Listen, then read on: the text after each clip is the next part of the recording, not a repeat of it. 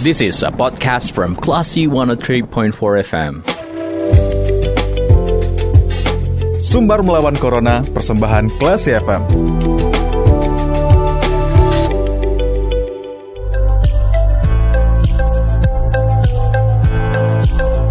Baik, kita langsung sapa beliau. Selamat sore, Assalamualaikum. Dokter, apa kabar? Uh, selamat sore, Waalaikumsalam warahmatullahi wabarakatuh. Mbak, sehat? Kabar baik ya? Kabar baik ya. Gimana dok, uh, pasien COVID di Pariaman boleh diceritakan seperti apa? Kalau uh, untuk uh, dulu pasien COVID lumayan banyak, Mbak. Cuman kalau sekarang jumlahnya sudah mulai uh, berkurang karena kami juga sudah mulai membuka untuk umum gitu. Maksudnya oh. selain pasien COVID pun uh, sudah kami terima sekarang sejak bulan Juli 2020. Kalau untuk pasien COVID, pasien... pertambahannya seperti apa kalau di Pariaman, dokter? Pasien COVID, awalnya kan semua pasien COVID dirawat gitu mm. ya, yang gejala ringan, sedang. Tapi sekarang uh, sudah mulai dipilih-pilih gitu Mbak, sejak uh, pemerintah mencanangkan bahwa pasien COVID dengan gejala ringan itu bisa diisolasi mandiri, mandiri. di rumah. Uh -huh. Jadi uh, jumlah perawatan pasien COVID sudah mulai berkurang. Gitu. Oke, okay. per hari ini atau per minggu ini bagaimana datanya kira-kira dokter? Kalau untuk pasien kebidanan ya karena saya dokter kebidanan uh -huh. itu mhm. ada satu pasien yang terkonfirmasi positif yang dirujuk dari Rumah Sakit Lubuk Basung kita tangani minggu kemarin sekarang sudah negatif pulang sih. Tapi oh. kalau untuk pasien penyakit dalam atau paru, yang pasti jumlahnya sudah mulai berkurang. Cuman berarti berapa jumlah pasiennya saya uh, tidak punya data sih mbak. Cuman yang pasti sudah jauh berkurang gitu.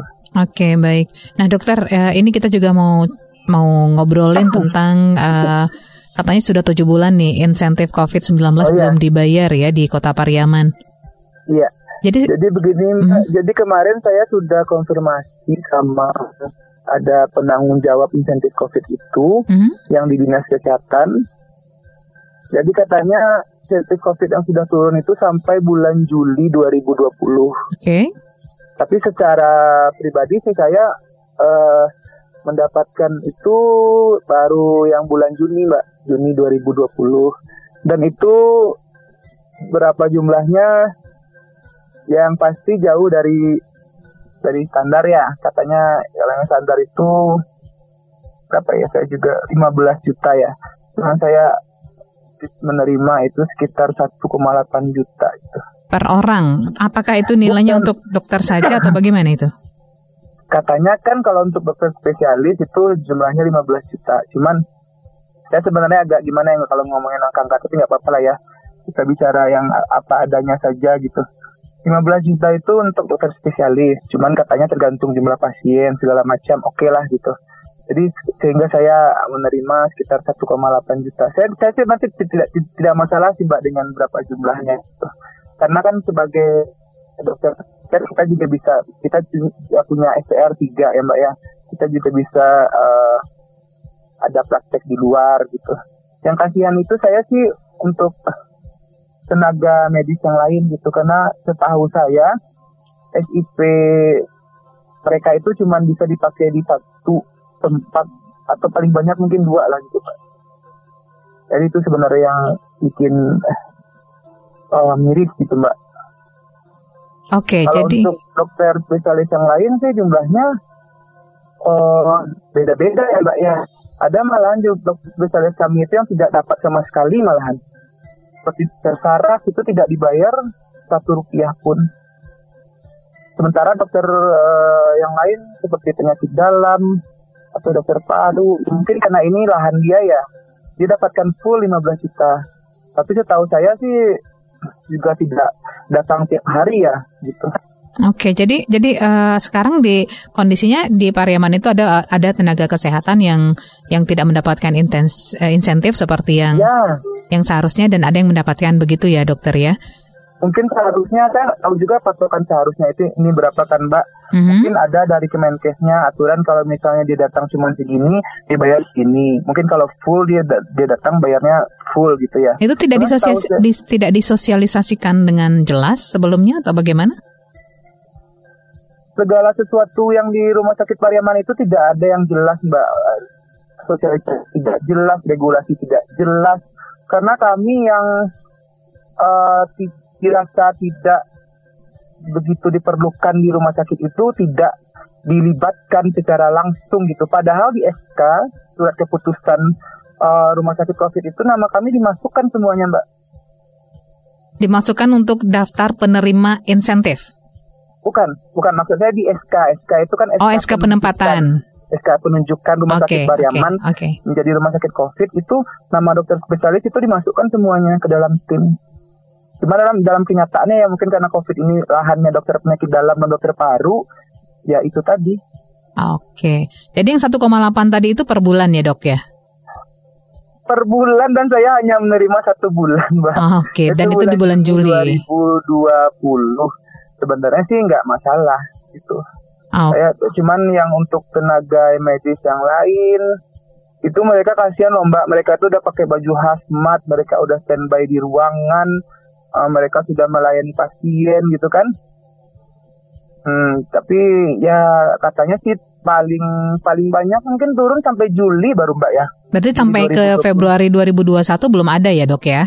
Belum belum. Ke mana nah, saja itu, sudah mengadukan kasus ini dok ke, kita udah kalau untuk kasus ini saya belum ada sih mbak. Maksudnya eh, yang tahu sudah ada seperti uh, ada da, anggota DPR daerah perwakilan Pariaman gitu dari fraksi PKS kita sudah sampaikan. Uh, cuman yang mengenai insentif insentif COVID ini secara khusus belum sih mbak. Kemarin saya terakhir konfirmasi sama wakil ketua DPRD sama yang anggota DPRD provinsi itu masalah insentif, Mbak. Jadi kita dokter spesialis di rumah sakit itu ada ada beberapa insentif, Mbak. Yang pertama insentif insentif rutin, Mbak. Tindak siaga medis itu namanya yang pertama. Jadi tindak siaga medis itu uh, uang yang diberikan, sejumlah uang yang diberikan oleh pihak rumah sakit kepada dokter spesialis yang telah bekerja di rumah sakit itu ya ibaratnya dalam tanda petik sebagai penghargaan lah ya atau istilah istilah lainnya kelangkaan profesi gitu mbak karena tidak semua dokter spesialis kan mau mengabdi di rumah sakit itu gitu. Mm-hmm. Itu yang pertama. Kemudian yang kedua insentif COVID. Nah insentif COVID ini diberikan kepada tenaga kesehatan yang bekerja di rumah sakit khusus atau rumah sakit rujukan COVID. Nah, dengan adanya insentif COVID ini bukan berarti insentif uh, rutin itu ditiadakan gitu loh, Mbak. Iya, iya. Oke, okay, nah, jadi okay. nah, kalau untuk insentif rutin itu kami dibayarkan terakhir bulan April 2020. Kalau yang insentif uh, COVID ya mungkin ada yang Juni atau yang Juli 2020. Mungkin secara umum bisa dibilang Juli lah Mbak, Juli 2020. Oke, okay. sudah di berarti tadi, tadi sudah bicara ke DPRD Sumatera Barat. Sudah, saya sudah bicarakan sudah, ya? yang insentif rutin ya Mbak ya. Iya. Yang insentif rutin itu saya sudah bicarakan ke Wakil Ketua DPRD Provinsi lebih kurang sekitar bulan Desember 2020.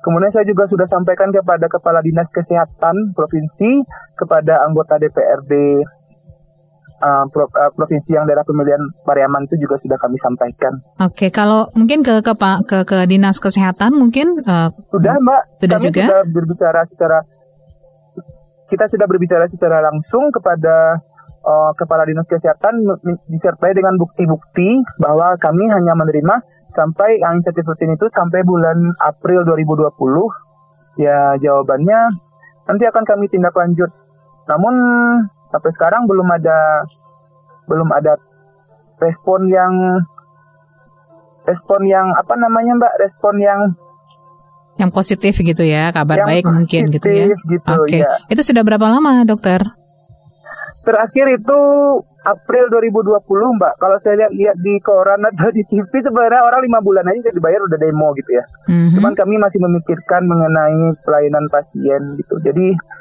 ya kami masih bekerja gitu Mbak. Oke. Okay, Daripada baik. nanti diamuk diamuk warga kan diamuk okay. pasien. Ya, Kalau untuk gitu. Gubernur gimana? Sudah pernah dibicarakan oh, ke iya. gubernur atau mungkin ke PLT gubernur yang sekarang? Ke Bapak Gubernur kami sudah mewe ah Mbak karena mungkin Cuman itu akses kami ke beliau gitu. Ke Irwan Paritno atau ke PLT yang sekarang ini? Ke Bapak Irwan sudah kami. Okay. Awalnya kan kami mau ketemu sama Bapak Irwan, dijanjikan bisa ketemu sama anggota DPRD.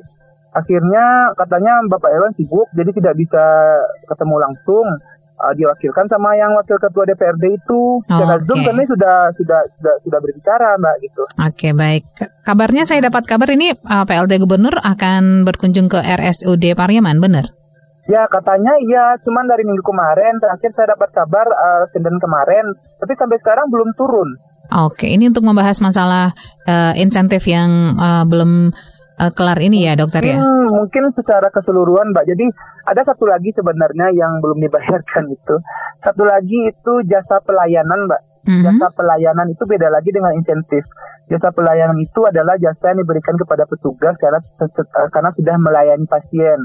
Dan saya terakhir dapat kabar bahwa uh, jasa klaim BPJS yang sudah dibayarkan oleh BPJS itu sudah sampai November 2020. Cuman jasa pelayanan yang baru dibagi itu sampai Maret 2020 dan itu hanya 50 persen gitu. Oke, okay. kalau Direktur RSUD Pariaman ada komentar? Komentar ya kami sudah beberapa kali membahas di WA grup komite medik, cuman tidak ada tanggapan gitu mbak. Terus ke palingan kemarin saya dapat kabar dari kawan-kawan wartawan katanya memang uh, ya memang duit itu tidak ada lagi itu apa yang mau dibayar gitu. Itu, ya, itu statement siapa saya, itu dokter? Ya mungkin statementnya tidak tidak tidak tidak murni seperti itu ya, cuman intinya seperti itu kira-kira. Oke. Okay, Duit baik. itu sudah tidak ada lagi, jadi tidak bisa dibayarkan gitu. Oke. Okay, saya dapat kabar kalau rumah sakit itu udah defisit berapa gitu, sekian belas miliar apa berapa gitu. Saya tidak tahu pastinya sih, kan tidak ada punya data. Cuman yang pasti sekarang rumah sakit itu defisit mbak. Contohnya uh akibat dari defisit itu antara lain ya yang pertama jelas jasa jasa kami tidak dibayarkan. Yang kedua insentif kami tidak dibayarkan. Ini di luar insentif COVID ya mbak ya. Mm-hmm. Kalau pendapatan rumah sakit kan mem- memberikan untuk insentif dan jasa pelayanan. Kalau insentif COVID kan dari pusat dari Kemenkes. Jadi akibat dari pendapatan yang defisit itu uh, jasa pelayanan tidak dibayarkan sejak bulan Maret. Kemudian insentif dokter spesialis tidak dibayarkan sejak bulan April, eh, sejak bulan April terakhir dibayarkan tapi sejak bulan Mei ya. Kemudian uh, obat kosong mbak, banyak stok obat-obat yang kosong di rumah sakit itu. Mungkin karena aku tidak mau diutangkan lagi sama farmasi, karena mungkin utang yang sebelumnya belum dibayar mbak. Jadi uh, udah banyak pasien yang karena obat-obatan itu tidak di rumah sakit, jadi dia akhirnya membeli obat di luar gitu mbak. Oke baik, tapi intinya walaupun dengan so, uh, permasalahan ini penanganan pasien di RSUD oh, iya. uh, Pariaman tetap berjalan dengan baik ya? Tetap berjalan dengan uh, dengan sebisanya lah Mbak gitu. Baik dokter. Uh, semoga ada jalan keluar untuk permasalahan ini, dokter, dan uh, iya. pasien tetap menjadi prioritas nomor nomor satu. Kita semua iya. tetap sehat. Iya, iya, Mbak. Baik, dokter, terima kasih banyak untuk bincang-bincangnya sore hari ini. Selamat sore, oh, iya. assalamualaikum. Waalaikumsalam warahmatullahi wabarakatuh. Baik, demikian kelas people obrolan kita di Sumber Melawan Corona untuk hari ini bersama dengan Dr. Pasca Alfajra SPOG. Terima kasih. Anda sudah mencermati program Sumber Melawan Corona. Cermati podcast obrolan ini di www.classfm.co.id atau download aplikasi Classy FM.